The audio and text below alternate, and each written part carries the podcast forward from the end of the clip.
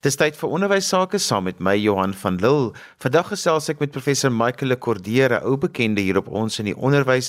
Vandag gaan ons sommer oor 'n klompie ons in die onderwys kwessies gesels, dinge wat ons so 'n paar maande terug ook al oor gesels het, wat ons 'n bietjie inloer by professor Michael Cordere en ons sê maar wat is op die oomblik aan die gang in die landskap van onderwys en waaroor moet ons bietjie dink? Die eerste ding wat ek graag wil ons moet oor gesels oor Michael is die ouers van leerders wat nou aanlyn moet aansoek doen vir 2024. Waar trek ons? Hoe gaan dit met die proses? Ja, Johan, baie dankie vir die geleentheid en en goeiedag aan al ons ouers en al ons uh, luisteraars wat al ingeskakel is. Welkom. Uh Johan, die uh, aansoeke vir skooltoelating vir 2024 het reeds geopen en uh, dit is al baie baie mooi aan die gang. Dit is al vol stoom aan die gang en en hierdie hierdie uh, aansoekproses uh, is nie meer vir baie lank nie. Dit het sluit teen die einde van die maand se kant en, en ouers moet asseblief so gou as moontlik hiervoor aansoek doen as jou kind aanstaande jaar vir die ICK skool toe gaan of as jou kind na 'n hoërskool toe gaan. Uh dit is miskien net belangrik vir ouers om daarop te let dat hulle moet 'n paar dokumente saamneem.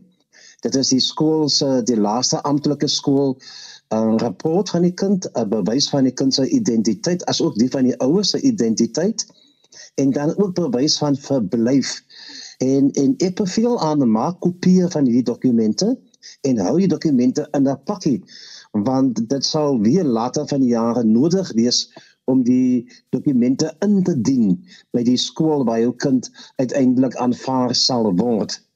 En dan Johan hier in die Weskaap is daar 'n webtuiste beskikbaar en ek wil graag daai webtuiste vir ouers gee indien hulle nog nie aansoek gedoen het nie. Dit is westerncape.gov.za vorentoe streepie admissions 2023 24. Maar baie ouers is miskien nou nie uh, Johan uh in staat om by 'n uh, rekenaar uit te kom of aan te teken nie. Dan beveel ek aan dat hulle gaan na die naaste skool toe of hulle gaan na die naaste onderwyskantoor en dat hulle daar verneem by die ontvangsdame uh hulle sal maar te bly wees om die ouers te kan behulpsaam wees. Michael, hoekom is die proses nodig geweest want ons het dan vir baie jare tog nog oor die weg gekom wat mense self kon besluit het waar hulle kinders wil gaan inskryf en daardie proses het mos eintlik heel goed gewerk. Johan, ek sê saam met jou die die proses het goed gewerk. Uh die huidige regering het egter gevoel dat hulle wil absoluut seker maak daar is geen kind of ouer wat voorkeurbehandeling ontvang nie so hulle het hierdie aanlyn uh, proses in werking gestel.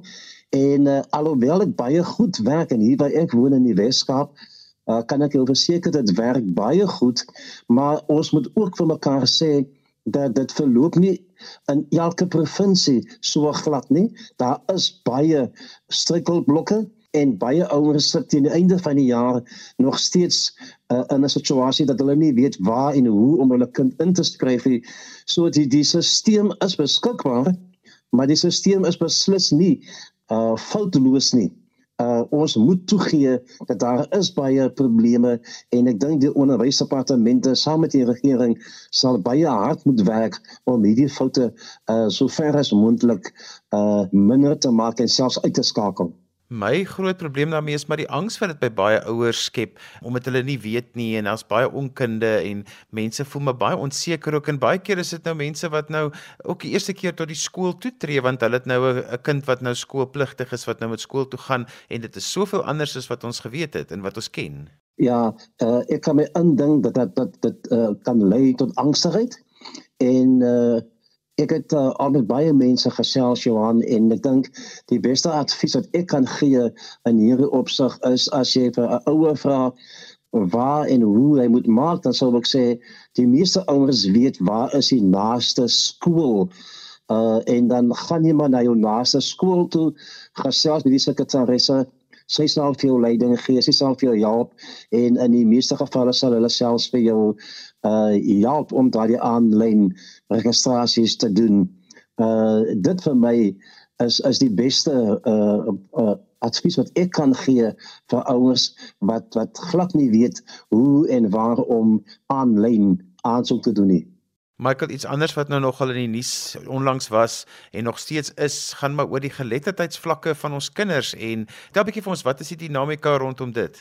Ja, Johan, die slegte nuus is dat ons leesvermoë in Suid-Afrika het bietjie agteruit gegaan uh na die COVID-19 pandemie. Die resultate van die Progress in International Reading Literacy Study, ook bekend as PIRLS, Daardie resultate is sopas vrygestel. Dit word elke 4de jaar gedoen. Toe wat laas gedoen was, was Suid-Afrika op 78% uh van die graad 4 leerders kon verstaan wat hulle lees. Die jongste syfer dui aan dat 81% van Suid-Afrikaanse leerders in graad 4 nie uh verstaan wat hulle lees nie. Dit beteken slegs 1 uit 5 graad 4 kinders weet wat hulle lees. En dit is baie kommerwekkend Johan, want uh, uit die 57 deelnemende lande wat getoets is, het Suid-Afrika die swakste getoets. Ons is heelwat laer as Egipte, die tweede uh, laaste land. Jy weet die die maksimum punte wat hulle toeken vir so 'n toets is 500 punte in Suid-Afrika het die laagste ingekom met 288. Maar uh, ek wil ook daarop wys dat as jy dit vergelyk met die verskillende provinsies dan dan het die Wes-Kaap daarom so 'n bietjie beter gevaar as van die ander uh, uh, provinsies. Uh met 'n gemiddelde van 363 terwyl Gauteng en KwaZulu-Natal dan nie nie ver agter hulle is nie. Maar die die slegte nuus is ons lees van ons graad 4 kinders het agteruit gegaan en en as 'n uh, onderwys uh owerheid onderwysdepartement en as 'n ministerie van onderwys is dit iets wat ons moet bekommer en die minister van basiese onderwys Angie Motshega sal sal dat werklik uh met 'n plan voor 'n dag moet kom. Uh want van op die huidige oomblik lees ons kinders ons is 3 jaar agter vir die kinders van Brasilië en dit is geen goeie getuieskrif vir die Suid-Afrikaanse onderwysstelsel nie. Michael, wat kan daaraan gedoen word? Hoe kan dit reggestel word? Johan, ek sou dink lees moet in elke skool en in die kurrikulum as 'n eerste belangrike prioriteit gestel word. Ehm um, ek sê altyd vir onderwysers en vir skoolhoofde alvorens jy vir begin om vir 'n kind 'n vak soos geskiedenis en aardrykskunde of biologie leer, moet ons eers seker maak dat die kind kan lees. Want lees uh, is die basis van alle leer en alle kennis en en en alle studie. As jy kind kan lees nie, uh, is daar 'n dramatiese probleem.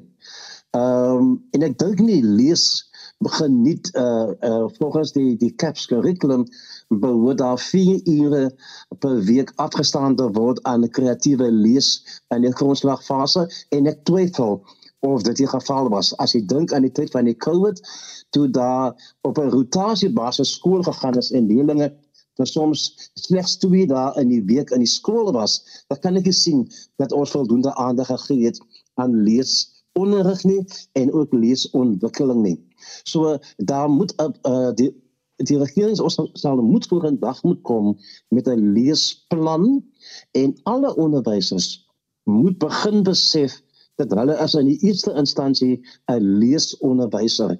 So voor jy 'n wiskunde of voor jy 'n geskiedenisonderwyser is, moet jy eers 'n leesonderwyser wees en ons moet nie die leesaspek vir nalatig nie. Maar Johan, dis ook goeie nuus uh sekere tale het wel verbeter. En en die goeie nuus is dat die Afrikaanse skole het uh het beter gedoen as enige van die ander skole, selfs beter as die Engelse skole uh met 387 teenoor uh 382 van die Engelse skole. En en die die die vernaamste afname het plaasgevind by by ons leerlinge wat skool gaan in die nege ander amptelike tale.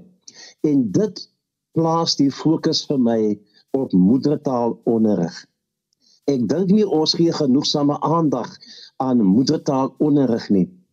Dit vorm vir my die grondslag van enige linguistiese, kulturele, opvoedkundige strukture of on ontwikkeling. En en as 'n kind kan leer en lees en skryf in sy moedertaal, dan sal die kind net soveel beter vorder en sal sy uitslae en akademiese prestasie net soveel beter lyk. So die goeie nuus is dat terwyl die Afrikaans en die die of die leerders wat in Afrikaans en in Engels skool gaan, se punte effens verbeter is die slegte nuus dat in ons ander nege amptelike tale uh word daar nie naasten by genoeg gedoen vir moedertaal uh ontwikkeling nie. So ons is 'n voorstander van moedertaal onderrig, maar dan moet ons die daad by die woord voeg en ons moet begin om in daardie skole uh daadwerklik te kyk na die ontwikkeling van moedertaal onderrig.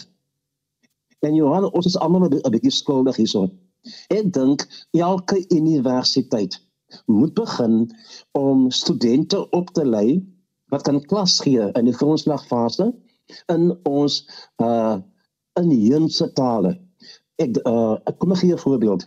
Hier in die Weskaap dink ek behoort my universiteit Stellenbosch baie meer studente kosa van agtergrond op te lei sodat hulle kan gaan klas gee in isiKosa in die grondslagfase. Daar is 'n geweldige nood En as ons daar 'n verbetering wil sien, dan moet ons ook 'n bydrae maak in daardie opsig.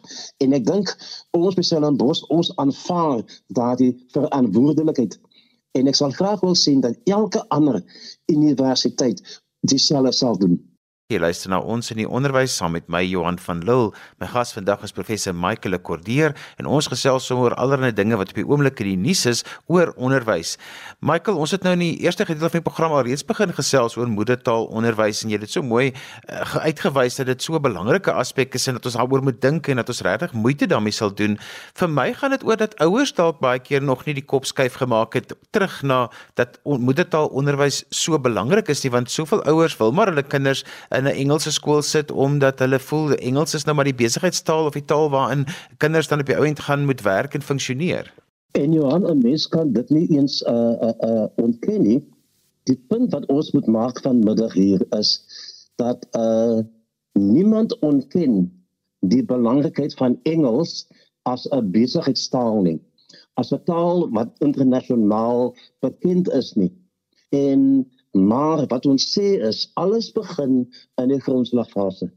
En in die grondslagfase het navorsing wêreldwyd bewys dat 'n kind leer net soveel meer effektief in sy moedertaal. Die konsepte wat dan neerslag vind in daardie kind soos uh die konsepte wiskundige konsepte wetenskaplike konsepte die die die vermoë om te kan onderskei tussen feite en menings al daardie konsepte word baie beter vasgelê in die kind se moedertaal en daarom word dit aanbeveel dat dat 'n kind minstens op in in die ouderdom van 9 dit wil sê in die grondslagfase graad 3 in sy moedertaal moet skool gaan persoonlik en met my eie navorsing uh is ek van mening dat alle kinders moet skool gaan in hulle moedertaal tot en met graad 7.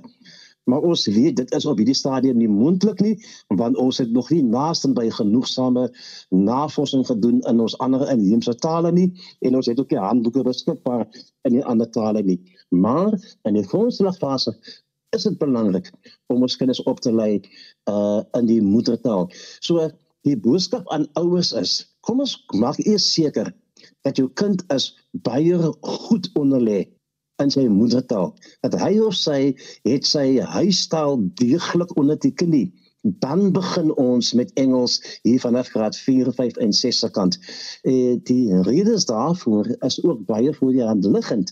Want jy sien jy aan die die vaardighede van die moedertaal kan net so toegepas word op die aanleer van 'n tweede taal omdat Engels en die in Afrikaanse sintaksis dieselfde is want dit is, is albei Germaanse tale. So die kind se kennis van sy moedertaal gaan vir hom baie handig te pas kom wanneer Engels uiteindelik aangeleer word en teen die tyd dat die kind matriek skryf sal daardie kind volledig tweetalig wees Johan ek het dit met my eie twee kinders gedoen en ek het die sukses daarvan gesien ek kan ouers beloof dit werk maar ons moet begin by die basis en by die grondslag en dit is in die grondslagfase moedertaal onderrig Michael, ons praat nou juis hier oor moedertaal onderrig na aanleiding van die geletterdheidsuitslae van die Pils verslag wat ons nou wys dat ons Suid-Afrika lê letterlik aan die onderpunt daarvan. Michael, daar's so baie nie-regeringsorganisasies wat in skole werk. Daar's so baie onderwysdepartement gooi baie hulpbronne hiernatoe. Die universiteite doen baie. Maar dit kom nou al 'n langryk aan dat ons almekaar onder toe onder toe onder toe beer in hierdie verslae. Hoekom sien ons nie resultate nie? Johan, uh, twee dinge wat ek eers wil aanraak. Die COVID-pandemie het ons skole geleer om baie kreatief te wees. En en ons het baie vaardighede aangeleer. En baie van daai vaardighede gaan ons in die toekoms baie goed uh te pas kom. En een van daai vaardighede wat ons aangeleer het was dat ons moet vir ons kinders baie meer tyd gee om op hul eie te lees die stof waarvan hulle hou. Want die Pearls toets het ook ons aangewys dat kinders eintlik van lees hou. Hulle geniet dit om te lees. Uh ons moet net vir hulle die geleentheid gee om meer te lees en ek wil asseblief op hierdie stadium ook met alle mammas praat en vir hulle sê die ou ou waarheid om elke aand vir jou kind 'n storie te lees is nog net so waar en ons moet dit steeds toepas. So u moet saans vir 'n tydjie die televisie stel afskakel en 'n goeie boek neem en vir jou kind uit 'n goeie boek uit lees. En soos ek sê, na graad 4 en na graad 5 kan jy ook al op die ander aand vir die kind 'n Engelse boek lees. Dis die eerste ding wat ek dink ons moet doen. Dan net jy verwys na die baie inisiatiewe daar buitekant en ek stem saam, daar is baie inisiatiewe om lees te bevorder en 'n mens verwelkom dit. Johan, die probleem is egter met so baie inisiatiewe weet die linkerhand nie noodwendig wat doen die die regterhand nie. En hierso dink ek moet die onderwysdepartement dien as die fasilitator om al die inisiatiewe te koördineer en om seker te maak dat dat ons almal op dieselfde bladsy is en dat ons almal dieselfde ding doen. Want ons kan 'n kind en 'n ouer en 'n onderwyser baie verwar as ons elkeen met ons eie uh, manier van doen uh, na vore kom. Ons moet hierdie prosesse koördineer in wat ek sal noem 'n nasionale leesonderrigplan. Dit moet nasionaal gekoördineer word en dit moet afgewendel word na al die provinsies en daar moet ook 'n uh, uh monitering plaasvind om te sien of hierdie leesplan wel uh in die skole toegepas word. Ek wil net noem dat die onderwysdepartement minister Motshega het 'n paar jaar met die laaste bekendstelling van die laaste pulsuitslae het sy so 'n leesplan aangekondig, maar dit het nooit werklik waar van die grond af gekom nie. Waarskynlik omdat dit nooit gekoördineer was nie. En my aanbeveling is dat sy moet uh iemand aanstel of sy moet minstens 'n komitee aanstel wat hierdie leesplan kan koördineer en seker te maak dat dit al die inisiatiewe uh op dieselfde bladsy is en met dieselfde doelwit vorentoe werksaam sal wees. Sommige se tong in die kies dalk kort as 'n minister verlees ook. Michael, kom ons praat oor universiteite. Die aansoeke sluit binnekort en dan ook die aansoeke vir beurse is belangrik dat mense dit moet weet. Ja, Johan, dit is tog belangrik. Ek wil gesels nou met al die matrikulante wat nou in graad 12 is. Uh die aansoeke vir alle voorgraadse programme het al op die 3 April geopen. So die aansoeke is nou oop. Uh matrikulante moet aanlyn aansoek doen. Uh so dit is baie baie belangrik want die die sluitingsdatum is die 31ste Julie vir die meeste universiteite as ook die aansoeke vir koshuis aansoeke. Dit is ook nou beskikbaar en dit gaan ook sluit op die 31ste Julie. Maar dan Johanna baie belangrike aspek. Die aansoeke vir finansiële bystand nou ouers baie mooi luister. Open op die 15de Junie. En die 15de Junie uh kan ouers en die matrikulante gaan na die verskillende webtuise toe van die universiteite en hulle kan gaan aansoek doen vir finansiële bystand. Hierdie aansoeke sluit op die 30ste November. So ons kyk dikwels die geval dat matrikulante en ouers wag tot die uitslaa uh, bekend gemaak word hier laat in Desember selfs vroeg volgende jaar in Januarie en dan wil mense begin om aansoek te doen vir finansiële bystand wel dan is dit te laat. So die aansoeke vir uh vir toelating is nou oop. Dit sluit 31 Julie en die aansoeke vir finansiële bystand vir al die NSFAS beurse open op 15 Junie en dit sluit op die 30ste November. Dit is baie belangrik Johan want uh, dit help jy slag matriek met van met ongelooflike goeie punte en dan as jy het jy nie finansiële bystand om te gaan verder studeer en van daarmee beroep op ouers en matrikulante. Kom ons gee nou aandag aan hierdie aspekte Michael, as mense met jou verder wil gesels, hoe kan hulle met jou kontak maak? Johan, hulle is baie welkom. Hulle skakel die opvoedkundige fakulteit by die Stellenbosch Universiteit en hulle vra om te gesels met die fisiedekaan onderrig en leer en hulle sal by my uitkom. So eenvoudig soos dit. En so gesels professor Michael Kordeer, ons het vandag in ons in die onderwys sommer so 'n klompie aspekte van onderwys gesels en dinge wat in die nuus is oor onderwys.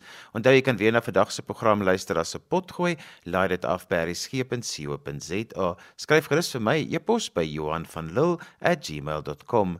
daarmee groet ek dan vir vandag tot volgende week van my Johan van Lille. Totsiens.